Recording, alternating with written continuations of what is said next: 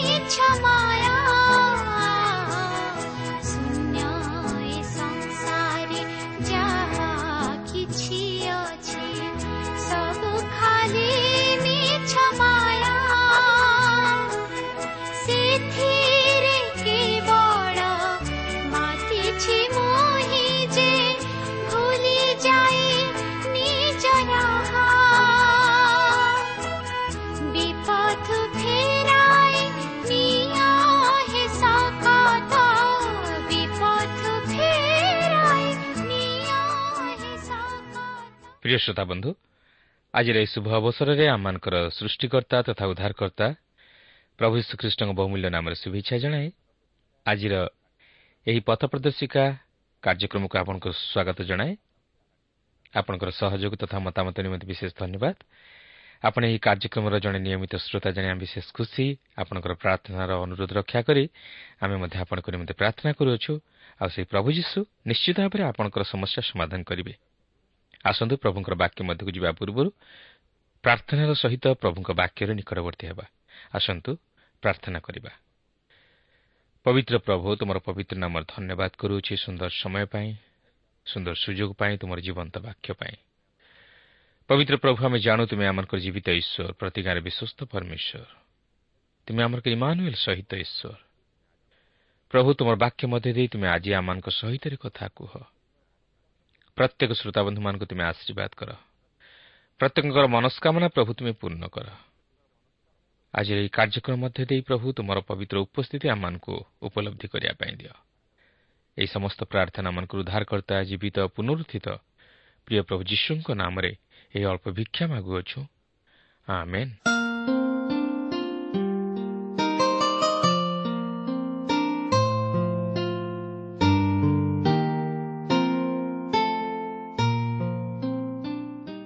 ଆସନ୍ତୁ ବର୍ତ୍ତମାନ ଆମେ ପ୍ରଭୁଙ୍କର ବାକ୍ୟ ମଧ୍ୟକୁ ଯିବା। ଆଜି ଆମେ ପ୍ରେରିତ ଦୁଇ ପର୍ବର ବାଳିଶ ପଦରୁ ଆରମ୍ଭ କରି ଚାରି ପର୍ବର ଚାରିପଦ ପର୍ଯ୍ୟନ୍ତ ଅଧ୍ୟୟନ କରିବା ନିମନ୍ତେ ଯିବା। ତେବେ ବର୍ତ୍ତମାନ ଲକ୍ଷ୍ୟ କରିବାର ବିଷୟ ହେଉଛି ସେହି ଆଦ୍ୟ ମଣ୍ଡଳୀ କିପରି ସ୍ଥିତିବାନରେ ପରିଣତ ହେଲା ଓ ଏହାର କାର୍ଯ୍ୟକଳାପ କ'ଣ ଥିଲା ତାହା ଆମେ ଏହି ଅଂଶରୁ ଲକ୍ଷ୍ୟ କରିବା। ଦେଖନ୍ତୁ ଦୁଇ ପର୍ବର ବୟାଳିଶ ପଦରେ ଏହିପରି ଲେଖା ଅଛି ସେମାନେ ପ୍ରେରିତମାନଙ୍କର ଶିକ୍ଷାରେ ସହଭାଗିତାରେ ରୋଟି ଭାଙ୍ଗିବାରେ ଓ ପ୍ରାର୍ଥନା କରିବାରେ ନିବିଷ୍ଟ ଚିତ୍ତ ହୋଇ ରହିଲେ। ଦେଖନ୍ତୁ ସେହି ତିନି ହଜାର ବିଶ୍ୱାସୀ ଯେ କେବଳ ମଣ୍ଡଳୀ ସହିତ ସଂଯୁକ୍ତ ହେଲେ ତାହା ନୁହେଁ ସେମାନେ ପ୍ରେରିତମାନଙ୍କ ଶିକ୍ଷାରେ ସହଭାଗିତାରେ ରୁଟି ଭାଙ୍ଗିବାରେ ଓ ପ୍ରାର୍ଥନା କରିବାରେ ନିବିଷ୍ଟଚିତ ହୋଇ ରହିଲେ। ଏହା ହିଁ ଥିଲା ଆଦ୍ୟ ମଣ୍ଡଳୀର ସହଭାଗିତା। ଏକ ବାସ୍ତବ ଖ୍ରୀଷ୍ଟୀୟ ମଣ୍ଡଳୀ ବା ଦୃଶ୍ୟ ଖ୍ରୀଷ୍ଟୀୟ ମଣ୍ଡଳୀ। ଏଠାରେ ଆମେ ଏକ ବାସ୍ତବ ଖ୍ରୀଷ୍ଟୀୟ ମଣ୍ଡଳୀର ପରିଚୟକରଣର ଚାରୋଟି ଚିହ୍ନ ଦେଖିବାକୁ ପାରୁଛୁ। ପ୍ରଥମତଃ ପ୍ରେରିତମାନଙ୍କର ଶିକ୍ଷା।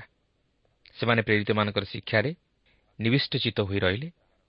ବାସ୍ତବ ଖ୍ରୀଷ୍ଟୀୟ ମଣ୍ଡଳୀକୁ ତାହାର ଆୟତନ ବା ଉଚ୍ଚତା ବା ସୌନ୍ଦର୍ଯ୍ୟକୁ ନେଇ ଚିହ୍ନାଯାଏ ନାହିଁ ବା ଅଧିକ ସଭ୍ୟ ସଂଖ୍ୟାକୁ ନେଇ ଚିହ୍ନାଯାଏ ନାହିଁ।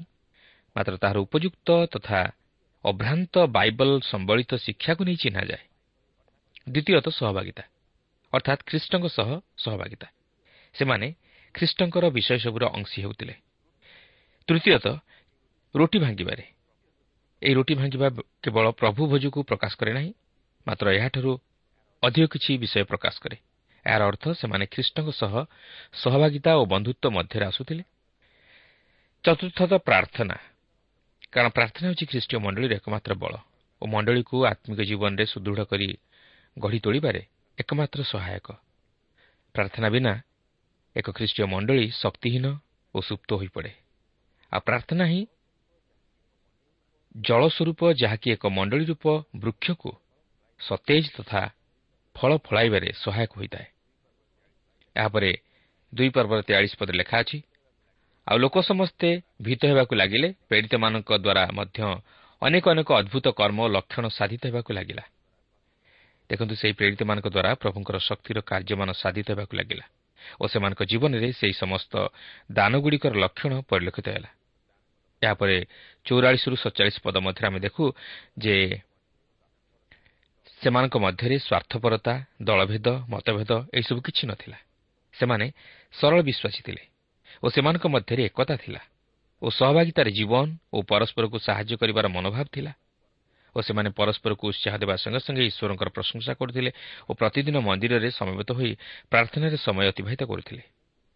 କିନ୍ତୁ ବର୍ତ୍ତମାନର ଖ୍ରୀଷ୍ଟୀୟ ମଣ୍ଡଳୀ ତହିଁରେ ଦୁର୍ବଳ। ତେଣୁକରି ବର୍ତ୍ତମାନର ଖ୍ରୀଷ୍ଟୀୟ ମଣ୍ଡଳୀ ଆତ୍ମିକ ଜୀବନରେ ବୃଦ୍ଧି ଲାଭ କରିପାରୁନାହିଁ। କାରଣ ଖ୍ରୀଷ୍ଟୀୟ ମଣ୍ଡଳୀରେ ଏକତାର ଅଭାବ। ପ୍ରାର୍ଥନାଶୀଳ ଓ ସହଭାଗିତାର ଜୀବନ ନାହିଁ କହିଲେ ଚଳେ। ତେବେ ଏହିଠାରେ ଆମେ ପ୍ରେରିତ ଦୁଇ ପର୍ବଟିକୁ ଅଧ୍ୟୟନ କରି ସମାପ୍ତ କଲୁ। ମାତ୍ର ଏହାପରେ ଆମେ ତିନି ପର୍ବଟିକୁ ଅଧ୍ୟୟନ କରିବା ନିମନ୍ତେ ଯିବା। ଏହି ତିନି ପର୍ବରେ ଆମେ ଆଦ୍ୟ ଖ୍ରୀଷ୍ଟୀୟ ମଣ୍ଡଳୀର ପ୍ରଥମ ଆଶ୍ଚର୍ଯ୍ୟ କର୍ମ ଓ ପିତରଙ୍କର ଦ୍ୱିତୀୟ ଥର ପାଇଁ ଶକ୍ତିର ସହିତ ପ୍ରଚାର କରିବା ବିଷୟ ଲକ୍ଷ୍ୟ କରିବାକୁ ଯିବା।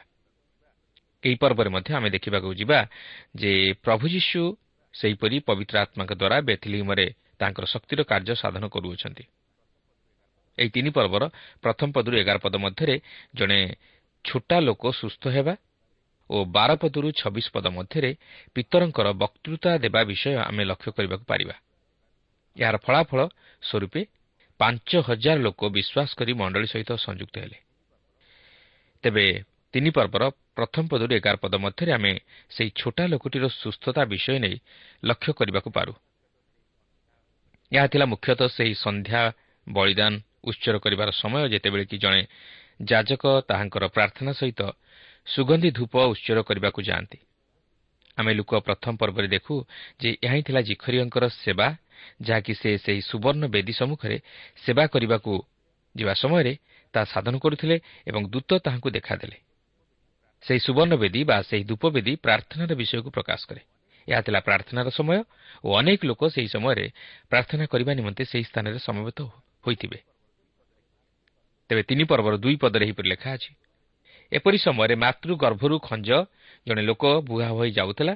ମନ୍ଦିରରେ ପ୍ରବେଶ କରୁଥିବା ଲୋକମାନଙ୍କଠାରୁ ଭିକ୍ଷା ମାଗିବା ନିମନ୍ତେ ଲୋକେ ତାକୁ ପ୍ରତିଦିନ ସେଥିର ସୁନ୍ଦର ନାମକ ଦ୍ୱାରରେ ରଖିଦେଉଥିଲେ ଦେଖନ୍ତୁ ଏହି ଲୋକ ମାତୃ ଗର୍ଭରୁ ଖଞ୍ଜ ଥିଲା।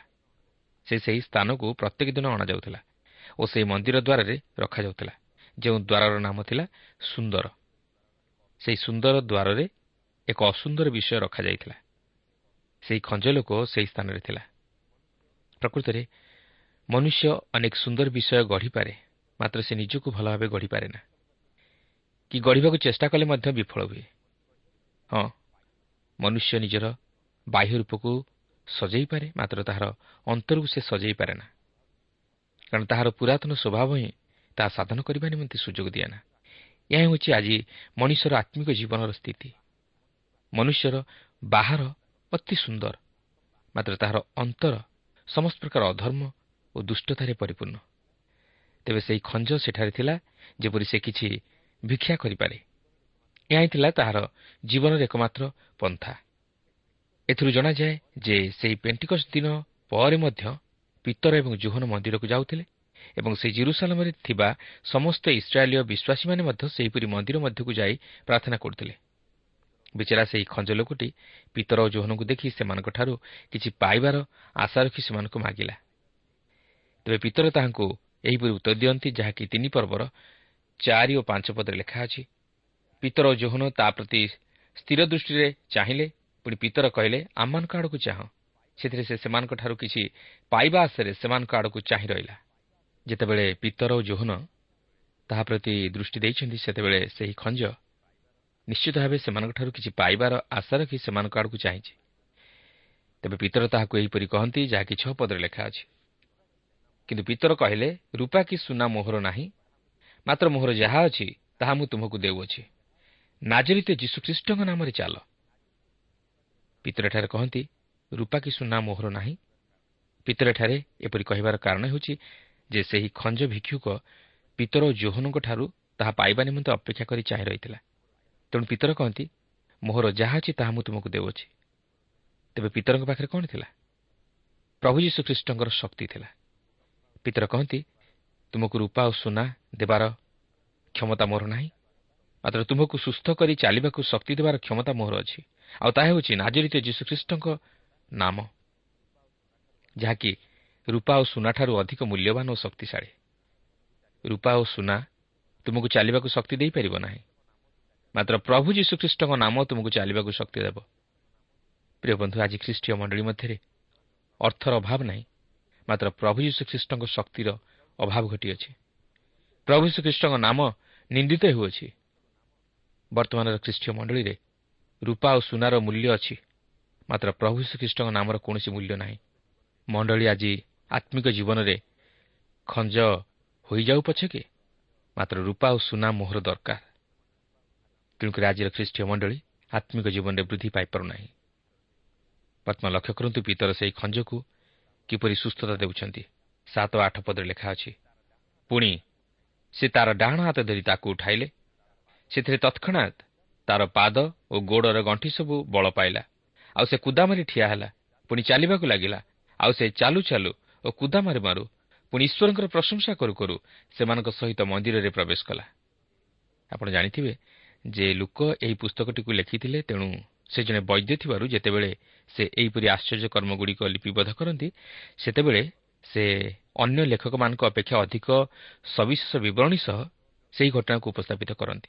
ତେଣୁ ତାହାଙ୍କର ବିବରଣୀ ଅନୁଯାୟୀ ଆମେ ଜାଣିବାକୁ ପାରୁଛୁ ଯେ ସେହି ଖଞ୍ଜର ପାଦ ଓ ଗୋଡ଼ର ଗଣ୍ଠି ସବୁ ଦୁର୍ବଳ ହୋଇଯାଇଥିଲା ମାତ୍ର ପିତର ତାହାକୁ ସୁସ୍ଥ କରି ଚାଲିବାକୁ ଶକ୍ତି ଦେଲେ। ଏଠାରେ କିନ୍ତୁ ଏକ ଶବ୍ଦ ଉପରେ ଆପଣଙ୍କର ଦୃଷ୍ଟି ଆକର୍ଷଣ କରିବା ପାଇଁ ଚାହେଁ ତାହା ହେଉଛି କୁଦା ମାରିବା ଯାହାକି ଏହି ପଦ ମଧ୍ୟରେ ଆମେ ଦୁଇଥର ଲକ୍ଷ୍ୟ କରୁ। ଏହି ପର୍ବଟି ଅତି କୌତୁହଳପୂର୍ଣ୍ଣ। ଆମେ ଦେଖିବାକୁ ପାରିବା ଯେ ପିତର ପୁନର୍ବାର ଇସ୍ରାଏଲ୍ ନିକଟରେ ସେହି ଈଶ୍ୱରଙ୍କ ରାଜ୍ୟ ଅର୍ପଣ କରିବା ପାଇଁ ଯାଉଅଛନ୍ତି କାରଣ ଏହି ସମୟରେ ଖ୍ରୀଷ୍ଟଙ୍କ ମଣ୍ଡଳୀ ମଧ୍ୟରେ ଶତକଡ଼ା ଶହେ ଭାଗ ଲୋକ ଇସ୍ରାଏଲୀୟ ଥିଲେ କିନ୍ତୁ ବାହାରର କୌଣସି ବିଜାତି ତହିଁରେ ପ୍ରବେଶ କରିନଥିଲେ। ଜିରୁସାଲାମରେ ଜିଉଦୀମାନଙ୍କୁ ନେଇ ମଣ୍ଡଳୀ ଗଠିତ ହେଲା ମାତ୍ର ପରେ ଏହା ପୃଥିବୀର ପ୍ରାନ୍ତ ପର୍ଯ୍ୟନ୍ତ ବ୍ୟାପିବାକୁ ଲାଗିଲା। କିନ୍ତୁ ବର୍ତ୍ତମାନ ଏଠାରେ ଆମେ ଦେଖୁଛୁ ଯେ ଏହା ସେହି ଜିରୁସାଲାମ ସମୟର ମଣ୍ଡଳୀକୁ ଉପସ୍ଥାପିତ କରୁଅଛି। ବର୍ତ୍ତମାନ ଏଠାରେ ଆମେ ଦେଖୁଛୁ ଯେ ସେହି ରାଜ୍ୟ ପୁନର୍ବାର ଇସ୍ରାଏଲ୍କୁ ଅର୍ପଣ କରାଯାଉଅଛି କିନ୍ତୁ ଏହା ଶେଷ ସୁଯୋଗ। ତେବେ ସେହି ରାଜ୍ୟକୁ ଚିହ୍ନିବାର ଲକ୍ଷଣ ସବୁ କ'ଣ? ଗୋଟିଏ ଲକ୍ଷଣ ହେଉଛି ଲେଙ୍ଗଡ଼ା କୁଦା ମାରିବ। ଜିସାୟ ପଞ୍ଚତିରିଶ ପର୍ବର ଛଅ ପଦରେ ଆମେ ତାହା ଲକ୍ଷ୍ୟ କରିବା ପାଇଁ ପାରୁ। ଆପଣ ଦେଖନ୍ତୁ ଯେଉଁ ସମସ୍ତ ଶିକ୍ଷାପ୍ରାପ୍ତ ଇସ୍ରାଏଲୀମାନେ ସେହି ମନ୍ଦିରକୁ ଯାଉଥିଲେ ସେମାନେ ଏହି ଆଶ୍ଚର୍ଯ୍ୟ ଘଟଣାକୁ ଦେଖି ଚମତ୍କୃତ ହୋଇଗଲେ। ଏହା ଯେ ସେହି ଈଶ୍ୱରଙ୍କ ରାଜ୍ୟର ଆରମ୍ଭ ତାହା ସେମାନେ ଜାଣିପାରିଲେ। ଯେଉଁ ମସିହ କୃଷାର୍ପିତ ହୋଇଥିଲେ ସେ ମୃତ୍ୟୁରୁ ଉଠିଅଛନ୍ତି ଓ ସ୍ୱର୍ଗାରୋହଣ କରିଅଛନ୍ତି ଓ ଈଶ୍ୱରଙ୍କ ଦକ୍ଷିଣ ପାର୍ଶ୍ୱରେ ଉପବେଶନ କରିଅଛନ୍ତି। ଯଦି ସେମାନେ ତାହାକୁ ଗ୍ରହଣ କରିବେ ତାହେଲେ ସେ ପୁନର୍ବାର ଆଗମନ କରିବେ। ଏହାପରେ ନଅ ପଦରୁ ଏଗାର ପଦ ମଧ୍ୟରେ ଆମେ ଦେଖୁ ଯେ ସେମାନେ ସେହି ଜିରୁସାଲାମରେ ଗତ କିଛି ସପ୍ତାହ ଧରି ଯେଉଁ ସମସ୍ତ ମହାନ ଘଟଣାମାନ ଘଟିବାର ଲକ୍ଷ୍ୟ କରି ଆସୁଥିଲେ ତଦ୍ୱାରା ସେମାନଙ୍କ ମନରେ ଏହି ପ୍ରଶ୍ନ ଉଙ୍କି ମାରୁଥିଲା ଏହା କ'ଣ ଈଶ୍ୱରଙ୍କ ରାଜ୍ୟର ଆରମ୍ଭ? କାରଣ ସେମାନେ ପ୍ରଭୁ ଯୀଶୁଙ୍କର ସେହି କୃଷାର୍ପିତ ଘଟଣା ଦେଖିଥିଲେ ତାଙ୍କର ପୁନରୁତ୍ଥାନ ଓ ସ୍ୱର୍ଗାରୋହଣ ଘଟଣା ଓ ସେହି ପେଣ୍ଟିକସ୍ ଦିନର ଘଟଣାକୁ ଦେଖିଥିଲେ। ତେଣୁକରି ସେମାନେ ପ୍ରକୃତିରେ ଆଶ୍ଚର୍ଯ୍ୟ ହୋଇଯାଉଥିଲେ। ପ୍ରକୃତିରେ କ'ଣ ଘଟିବା ପାଇଁ ଯାଉଅଛି ତାହା ସେମାନେ ଜାଣିବାକୁ ଚାହୁଁଥିଲେ। ପ୍ରିୟ ବନ୍ଧୁ ଆଜି ଆମେ ପ୍ରଭୁ ଯୀଶୁଙ୍କ ବିଷୟରେ ଅଧିକ କିଛି ଜାଣିବାକୁ ପାରୁଛୁ ଓ ତାହାଙ୍କ ବାକ୍ୟ ମଧ୍ୟ ଅଧ୍ୟୟନ କରୁଛୁ। କିନ୍ତୁ ଏହିସବୁ କାହିଁକି ଏପରି ଘଟିଲା ଓ କ'ଣ ପାଇଁ ଆମମାନଙ୍କ ନିକଟରେ ପ୍ରକାଶ କରାଯାଇଅଛି ତହିଁର ଉଦ୍ଦେଶ୍ୟ କେବେ ଜାଣିବା ନିମନ୍ତେ ଚେଷ୍ଟା କରିଛୁ କି? ଯଦି ଆମେ ତହିଁର ବାସ୍ତବ ଉଦ୍ଦେଶ୍ୟ ଜାଣିବା ନିମନ୍ତେ ଚେଷ୍ଟା କରିବା ତାହେଲେ ଆମେ ନିଜର ଦୁର୍ବଳତା ସବୁକୁ ଜାଣିପାରିବା ଓ ଜଣେ ଉଦ୍ଧାରକର୍ତ୍ତାଙ୍କର ଆବଶ୍ୟକତାକୁ ଉପଲବ୍ଧି କରିପାରିବା। କିନ୍ତୁ ଏହାପରେ ପିତର କିପରି ସେମାନଙ୍କୁ ତହିଁର କାରଣ ଦର୍ଶାଇବାକୁ ଯାଇ ଦ୍ୱିତୀୟ ଥର ପାଇଁ ସେମାନଙ୍କ ନିକଟରେ ସେହି ସମ୍ବାଦ ପରିବେଷଣ କଲେ। ଆସନ୍ତୁ ତାହା ବର୍ତ୍ତମାନ ଲକ୍ଷ୍ୟ କରିବାକୁ ଯିବା। ତିନି ପର୍ବର ବାର ପଦରେ ଏହିପରି ଲେଖା ଅଛି ପିତର ତାହା ଦେଖି ଲୋକମାନଙ୍କୁ ଉତ୍ତର ଦେଲେ ହେ ଇସ୍ରାଏଲୀୟ ଲୋକମାନେ ଆପଣମାନେ କାହିଁକି ଏହି ଲୋକ ବିଷୟରେ ଚମତ୍କୃତ ହେଉଅଛନ୍ତି? କିମ୍ବା ଆମମାନେ ଯେପରି ନିଜ ଶକ୍ତି ଅବା ଭକ୍ତି ବଳରେ ଏହାକୁ ଚାଲିବା ଶକ୍ତି ଦେଇଅଛୁ ତାହା ଭାବି ଆମମାନଙ୍କ ପ୍ରତି କାହିଁକି ଏକ ଦୃଷ୍ଟିରେ ଚାହୁଁଅଛନ୍ତି? ପିତର ଏଠାରେ ଆଉ କାହାକୁ କହନ୍ତି ନାହିଁ। ମାତ୍ର ସେ ଇସ୍ରାଏଲୀ ଲୋକମାନଙ୍କୁ ସମ୍ବୋଧନ କରି କହନ୍ତି ଓ ଏହା ସେହି ଜିରୁସାଲାମରେ ଘଟିଥିଲା। କିନ୍ତୁ ପିତର ଏଠାରେ ଅତି ସାବଧାନତାର ସହିତ କହନ୍ତି ଯେ ସେ ଯେଉଁ ଆଶ୍ଚର୍ଯ୍ୟ କର୍ମଟି ସାଧନ କଲେ ତାହା ସେ ନିଜ ଶକ୍ତି ବା ବଳରେ ସାଧନ କରିନାହାନ୍ତି। ମାତ୍ର ସେ ପ୍ରଭୁ ଯୀଶୁଖ୍ରୀଷ୍ଟଙ୍କ ଶକ୍ତିରେ ତାହା ସାଧନ କରିଅଛନ୍ତି। ସେ ବର୍ତ୍ତମାନ ଏହି ଘଟଣା ମାଧ୍ୟମରେ ସେହି ଜୁହୁଦୀ ଦର୍ଶକ ବୃନ୍ଦମାନଙ୍କୁ ପୁରାତନ ନିୟମର ସମୟକୁ ନେଇଯାଆନ୍ତି ସେ ସେମାନଙ୍କୁ କହିବାକୁ ଯାଉଅଛନ୍ତି ଯେ ଯଦି ସେମାନେ ଈଶ୍ୱରଙ୍କ ପ୍ରତି ଫେରନ୍ତି ତାହେଲେ ଈଶ୍ୱର ସେମାନଙ୍କ ପ୍ରତି କରିଥିବା ଭାବବାଣୀ ମଧ୍ୟ ସେମାନଙ୍କ ଜୀବନରେ ସଫଳ ହୋଇପାରିବ। ତେବେ ସେହି ଜିହୁଦୀ ଲୋକମାନେ ଯେଉଁ ସମସ୍ତ ଭାବବାଣୀ ଶୁଣିଥିଲେ ଓ ଜାଣିଥିଲେ ସେହି ଭାବବାଣୀମାନଙ୍କ ମଧ୍ୟରୁ କେତେକ ଭାବବାଣୀ ଯାହାକି ସେମାନଙ୍କ ପ୍ରତି ଆଶୀର୍ବାଦ ଓ ଅନୁଗ୍ରହଜନକ ଭାବବାଣୀ ଥିଲା ତାହା ମୁଁ ଏଠାରେ ପ୍ରକାଶ କରିବା ପାଇଁ ଚାହେଁ ଯାହାକି ପୁରାତନ ନିୟମରେ ଜିଖରେ ଭାବାଧିକ ପୁସ୍ତକ ତହିଁର ବାର ପର୍ବର ଦଶ ପଦରେ ଲେଖା ଅଛି। ପୁଣି ଆମ୍ଭେ ଦାଉଦ ବଂଶ ଉପରେ ଓ ଜିରୁସାଲାମ ନିବାସୀମାନଙ୍କ ଉପରେ ଅନୁଗ୍ରହ ଓ ବିନତିଜନକ ଆତ୍ମବୃଷ୍ଟି କରିବା। ତହିଁରେ ସେମାନେ ଆମ୍ଭ ପ୍ରତି ଅର୍ଥାତ୍ ଯାହାଙ୍କୁ ସେମାନେ ବିଦ୍ଧ କରିଅଛନ୍ତି ତାହାଙ୍କ ପ୍ରତି ଦୃଷ୍ଟିପାତ କରିବେ। ଆଉ କେହି ଯେମନ୍ତ ଆପଣାର ଏକମାତ୍ର ପୁତ୍ର ଲାଗି ଶୋକ କରେ ତେମନ୍ତ ସେମାନେ ତାହାଙ୍କ ପାଇଁ ଶୋକ କରିବେ। ଓ କେହି ଯେମନ୍ତ ଆପଣା ପ୍ରଥମ ନିମନ୍ତେ ବ୍ୟାକୁଳିତ ହୁଏ ତେମନ୍ତ ସେମାନେ ତାହାଙ୍କ ପାଇଁ ବ୍ୟାକୁଳିତ ହେବେ। ତେବେ ଏହା ସଫଳ ହୋଇପାରିଥାନ୍ତା ଯଦି ସେମାନେ ତାହାଙ୍କ ପ୍ରତି ଫେରିଥାନ୍ତେ। କିନ୍ତୁ ଏହା ସଫଳ ହେଲା ନାହିଁ ଯେହେତୁ ଇସ୍ରାଏଲ୍ ଜାତି ସେହି ସମୟରେ ପ୍ରଭୁ ଯୀଶୁଖ୍ରୀଷ୍ଟଙ୍କୁ ଗ୍ରହଣ କଲେ ନାହିଁ। ସେମାନେ ଅନୁତାପ କଲେ ନାହିଁ କି ତାହାଙ୍କ ନିକଟକୁ ଫେରିଲେ ନାହିଁ। ତେଣୁ ପିତର ସେମାନଙ୍କୁ ଆହ୍ୱାନ କରିବେ ଯେପରି ସେମାନେ ପ୍ରଭୁ ଯୀଶୁଖ୍ରୀଷ୍ଟଙ୍କ ପ୍ରତି ଫେରନ୍ତି। କିନ୍ତୁ ଆପଣ ଦେଖିବାକୁ ପାରିବେ ଯେ ସେମାନେ ଏହି ଆହ୍ୱାନକୁ ମଧ୍ୟ ପ୍ରତ୍ୟାଖ୍ୟାନ କରିବେ। କିନ୍ତୁ ସମୟ ଆସୁଅଛି ଯେତେବେଳେ କି ଏହି ଭାବବାଣୀ ସଫଳ ହେବ। ଯାହାକି ଜିଜିକଲ ପୁସ୍ତକର ଛବିଶ ପର୍ବର ସତେଇଶ ଓ ଅଠେଇଶ ପଦରେ ଉଲ୍ଲେଖ ହୋଇଅଛି। ସମୟ ଆସୁଅଛି। ଏହା ସଫଳ ହେବା ପାଇଁ ଯାଉଅଛି। ଜିସାଏ ପୁସ୍ତକ ବାର ପର୍ବକୁ ଅଧ୍ୟୟନ କରନ୍ତୁ କାରଣ ଏହା ଏକ ଚମତ୍କାର ଅଧ୍ୟାୟ। ତେଣୁକରି ପିତର ସେମାନଙ୍କୁ ସେହି ସମସ୍ତ ବିଷୟ ସ୍ମରଣ କରାଇଦେବାକୁ ଯାଉଅଛନ୍ତି ଯେପରି ସେମାନେ ପ୍ରଭୁଙ୍କ ପ୍ରତି ଫେରିଆସିବା ଦ୍ୱାରା ସେହି ସମସ୍ତ ପ୍ରତିଜ୍ଞାର ଅଧିକାରୀ ହୁଅନ୍ତି। ଏହାପରେ ତିନି ପର୍ବର ତେର ପଦରୁ ପନ୍ଦର ପଦ ମଧ୍ୟରେ ପିତର ପ୍ରଭୁ ଯୀଶୁଙ୍କର ସେହି ପୁନରୁତ୍ଥାନର ସମ୍ବାଦକୁ ପ୍ରଚାର କରନ୍ତି ସେ ସେମାନଙ୍କୁ ସେହି ପୁନରୁତ୍ଥାନ ବିଷୟ ସ୍ମରଣ କରାଇ ଦିଅନ୍ତି। ଆପଣ ଦେଖନ୍ତୁ ପିତର ହୁଅନ୍ତୁ ବା ପାଉଲ ହୁଅନ୍ତୁ ସେମାନେ ସେମାନଙ୍କର ପ୍ରଚାରରେ ପ୍ରଭୁ ଯୀଶୁଙ୍କର ପୁନରୁତ୍ଥାନ ଉପରେ ବିଶେଷ ଗୁରୁତ୍ୱ ଦେଉଥିଲେ। କାରଣ ପ୍ରଭୁ ଯୀଶୁଙ୍କର ପୁନରୁତ୍ଥାନ ସୁଷମାଚାରର ସତ୍ୟତାକୁ ପ୍ରମାଣିତ କରେ। ଏହାପରେ ତିନି ପର୍ବର ଷୋହଳ ପଦରେ ପିତର ଆହୁରି କହନ୍ତି ପୁଣି ତାହାଙ୍କ ନାମରେ ବିଶ୍ୱାସ କରିବାରୁ ଏଇ ଯେଉଁ ଲୋକକୁ ଆପଣମାନେ ଦେଖୁଅଛନ୍ତି ଓ ଜାଣିଅଛନ୍ତି ଏହାକୁ ତାହାଙ୍କ ନାମ ବଳବାନ କରିଅଛି। ହଁ ତାହାଙ୍କ ଦ୍ୱାରା ଦତ୍ତ ବିଶ୍ୱାସ ଆପଣ ସମସ୍ତଙ୍କ ସାକ୍ଷାତରେ ଏହାକୁ ସମ୍ପୂର୍ଣ୍ଣ ସ୍ୱାସ୍ଥ୍ୟଦାନ କରିଅଛି। ପିତରଙ୍କ କହିବାର ସାର କଥା ଏହି ତୁମାନେ କ'ଣ ସେହି ଖଞ୍ଜକୁ ସେଠାରେ କୁଦା ବା ଡିଆଁ ମାରିବାର ଦେଖିପାରୁନ? ଆଉ ତାହା ହିଁ ସେହି ରାଜ୍ୟରେ ଘଟିବ। କିନ୍ତୁ ପ୍ରଶ୍ନ ହେଉଛି ସେହି ମସିହଙ୍କର ଆଗମନକୁ ତୁମାନେ ଚାହଁ କି ନାହିଁ? ତୁମାନେ କ'ଣ ତାହାଙ୍କୁ ଗ୍ରହଣ କରିବା ପାଇଁ ଚାହଁ? ଏହାପରେ ସତର ଅଠର ପଦରେ ସେ ସେମାନଙ୍କର ଗତ ଜୀବନର ପାପ ବା ଅତୀତର ପାପ ନିମନ୍ତେ ସେମାନଙ୍କୁ କେତେକ ବିଷୟ ସାଧନ କରିବା ପାଇଁ ଥିଲା ତାହା ସେ ପ୍ରକାଶ କରନ୍ତି। ଆଉ ତାହା ଥିଲା ମନ ପରିବର୍ତ୍ତନ କରିବା ଓ ଖ୍ରୀଷ୍ଟଙ୍କୁ ଗ୍ରହଣ କରିବା। ଏହି ସମ୍ବାଦ ମଧ୍ୟ ସେମାନଙ୍କ ନିମନ୍ତେ ନୂଆ ନଥିଲା। ସେମାନେ ଏଥିପୂର୍ବରୁ ମଧ୍ୟ ଶୁଣିଥିଲେ। କାରଣ ଜିସାୟ ତେୟାଳିଶ ପର୍ବର ପଚିଶ ପଦରେ ଏହା ପୂର୍ବରୁ ମଧ୍ୟ ଲେଖା ହୋଇଅଛି। ଦେଖନ୍ତୁ ପିତରଙ୍କର ସମ୍ବାଦ ସେମାନଙ୍କ ପ୍ରତି କ'ଣ ଥିଲା? ଯାହାକି ଉଣେଇଶ ଓ କୋଡ଼ିଏ ପଦରେ ଲେଖା ଅଛି। ଅତେବ ଯେପରି ଆପଣମାନଙ୍କର ପାପମୋଚନ ହୋଇପାରେ ଏଥି ନିମନ୍ତେ ମନ ପରିବର୍ତ୍ତନ କରି ଫେରିଆସନ୍ତୁ ତାହେଲେ ପ୍ରଭୁଙ୍କ ଛାମୁରୁ ସାନ୍ତ୍ୱନାର ସମୟ ଉପସ୍ଥିତ ହେବ। ପୁଣି ଆପଣମାନଙ୍କ ନିମନ୍ତେ ପୂର୍ବ ନିରୂପିତ ଖ୍ରୀଷ୍ଟଙ୍କୁ ଅର୍ଥାତ୍ ଯୀଶୁଙ୍କୁ ସେ ପ୍ରେରଣ କରିବେ। କିନ୍ତୁ ଏଠାରେ ପ୍ରଶ୍ନ ହେଉଛି ଯଦି ସେମାନେ ଯୀଶୁଙ୍କୁ ଗ୍ରହଣ କରିଥାନ୍ତେ ତାହେଲେ ସେ କ'ଣ ଏହି ଧରାପୃଷ୍ଠକୁ ଫେରିଆସିଥାନ୍ତେ ତେବେ ଉତ୍ତର ଅବଶ୍ୟ ହଁ। ପିତର କହନ୍ତି ସେ ଫେରିଆସିଥାନ୍ତେ କିନ୍ତୁ ଏହାପରେ ଈଶ୍ୱରଙ୍କର କାର୍ଯ୍ୟକ୍ରମ କ'ଣ ହୋଇଥାନ୍ତା? ଏହାର ଉତ୍ତର ମୁଁ ମଧ୍ୟ ଦେଇପାରିବି ନାହିଁ କେବଳ ଈଶ୍ୱର ତାହା ଜାଣନ୍ତି। କେବଳ ମୁଁ ଏତିକି ଜାଣେ ଯେ ଇସ୍ରାଏଲ୍ ଜାତି ଯୀଶୁଖ୍ରୀଷ୍ଟଙ୍କୁ ଗ୍ରହଣ କଲେ ନାହିଁ। ଏହା ହିଁ ହେଉଛି ସେହି ଯଦି ପ୍ରଶ୍ନର ଉତ୍ତର। ଏହା ବ୍ୟତୀତ ଅନ୍ୟ କୌଣସି ଉତ୍ତର ମୁଁ ଜାଣିନାହିଁ। ଏହାପରେ ଏକୋଇଶ ପଦରେ ଲେଖା ଅଛି ସମସ୍ତ ବିଷୟ ପୁନଃସ୍ଥାପନର ଯେଉଁ ସମୟର କଥା ଅତି ପ୍ରାଚୀନ କାଳରୁ ଈଶ୍ୱର ଆପଣା ପବିତ୍ର ଭାବାଦୀମାନଙ୍କ ମୁଖ ଦ୍ୱାରା କହିଅଛନ୍ତି ସେହି ସମୟ ଉପସ୍ଥିତ ନ ହେବା ପର୍ଯ୍ୟନ୍ତ ତାହାଙ୍କୁ ନିଶ୍ଚୟ ସ୍ୱର୍ଗରେ ଗୃହୀତ ହେବାକୁ ହେବ। ତେବେ କେତେକ ଲୋକ ଏହି ପଦଟିକୁ ଭୁଲ ଭାବେ ତର୍ଜମା କରି ବିଶ୍ୱାସ କରନ୍ତି ଯେ ପ୍ରତ୍ୟେକ ବିଷୟ ଓ ପ୍ରତ୍ୟେକ ବ୍ୟକ୍ତି ଉଦ୍ଧାର ପାଇବେ। ସମସ୍ତ ବିଷୟ ପୁନଃସ୍ଥାପନର ଅର୍ଥ ନୁହେଁ ଯେ ସମସ୍ତ ବିଷୟ ବା ପ୍ରତ୍ୟେକ ମନୁଷ୍ୟ ଉଦ୍ଧାର ପାଇଯିବେ। ତେବେ ସେହି ସମସ୍ତ ବିଷୟ କ'ଣ? କେଉଁ ବିଷୟ ପୁନରୁଦ୍ଧାର ହେବାକୁ ଅଛି?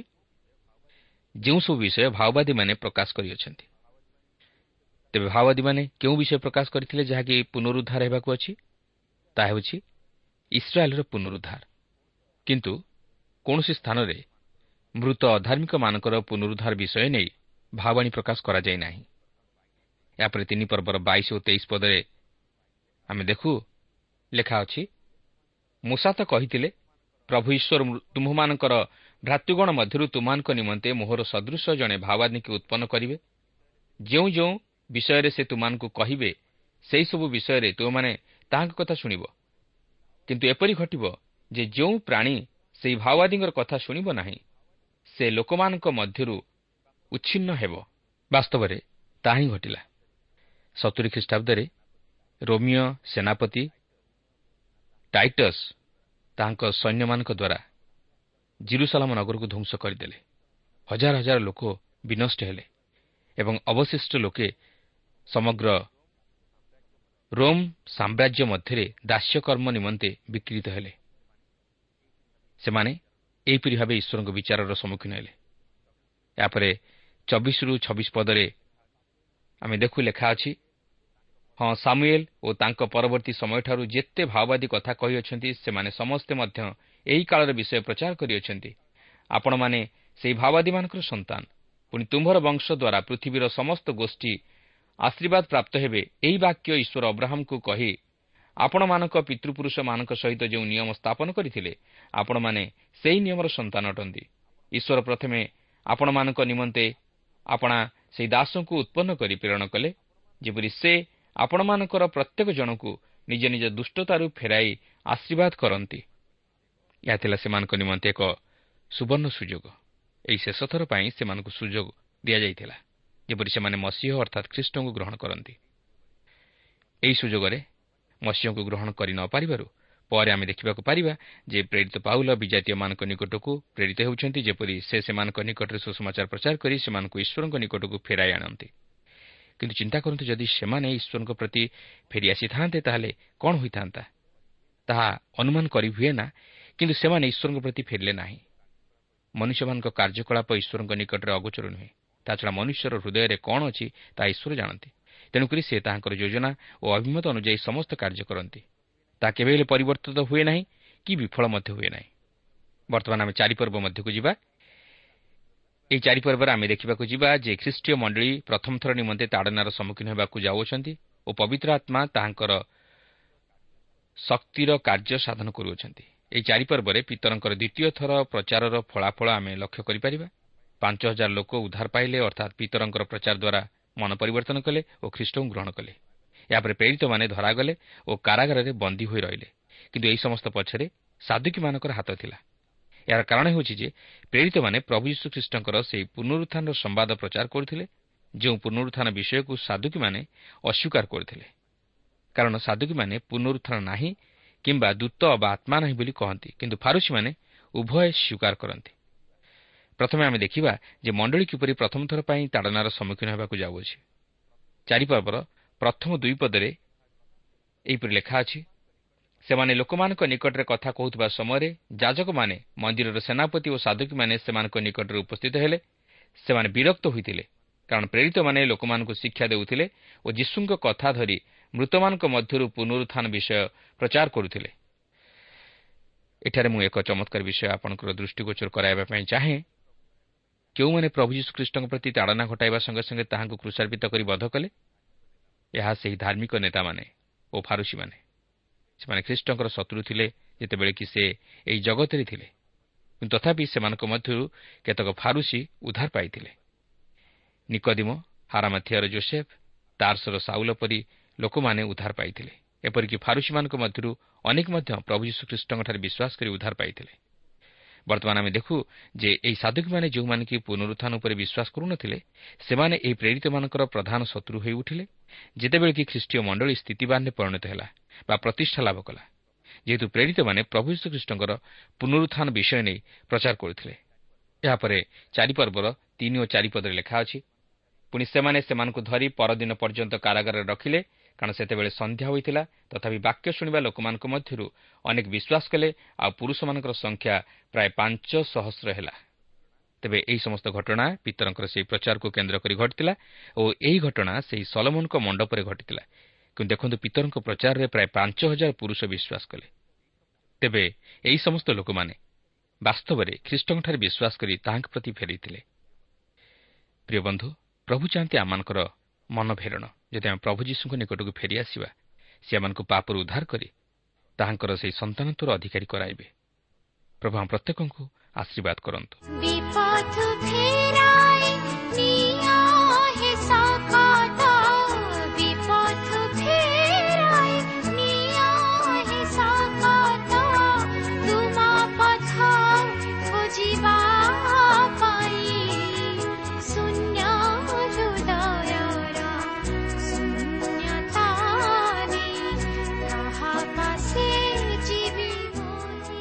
ପ୍ରିୟ ଶ୍ରୋତା ଆମର କାର୍ଯ୍ୟକ୍ରମ ନିୟମିତ ଶୁଣୁଥିବାରୁ ଅଶେଷ ଧନ୍ୟବାଦ।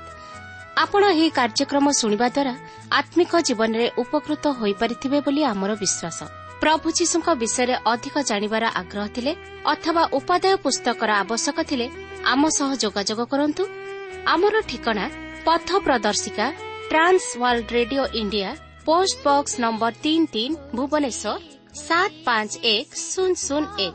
Mobile number nine seven double seven double two one four one five ଠିକଣାଟି ଆଉଥରେ ଶୁଣନ୍ତୁ ପଥ ପ୍ରଦର୍ଶିକା Trans World Radio India post box number three three Bhubaneswar seven five one zero zero one mobile number nine seven double seven double two one four one five ଆମର email ଆଡ୍ରେସଟି ଲେଖି ରଖନ୍ତୁ Odia TTV at radio eight eight two dot com ତେବେ ଆଜି ପାଇଁ ବିଦାୟ ଦିଅନ୍ତୁ।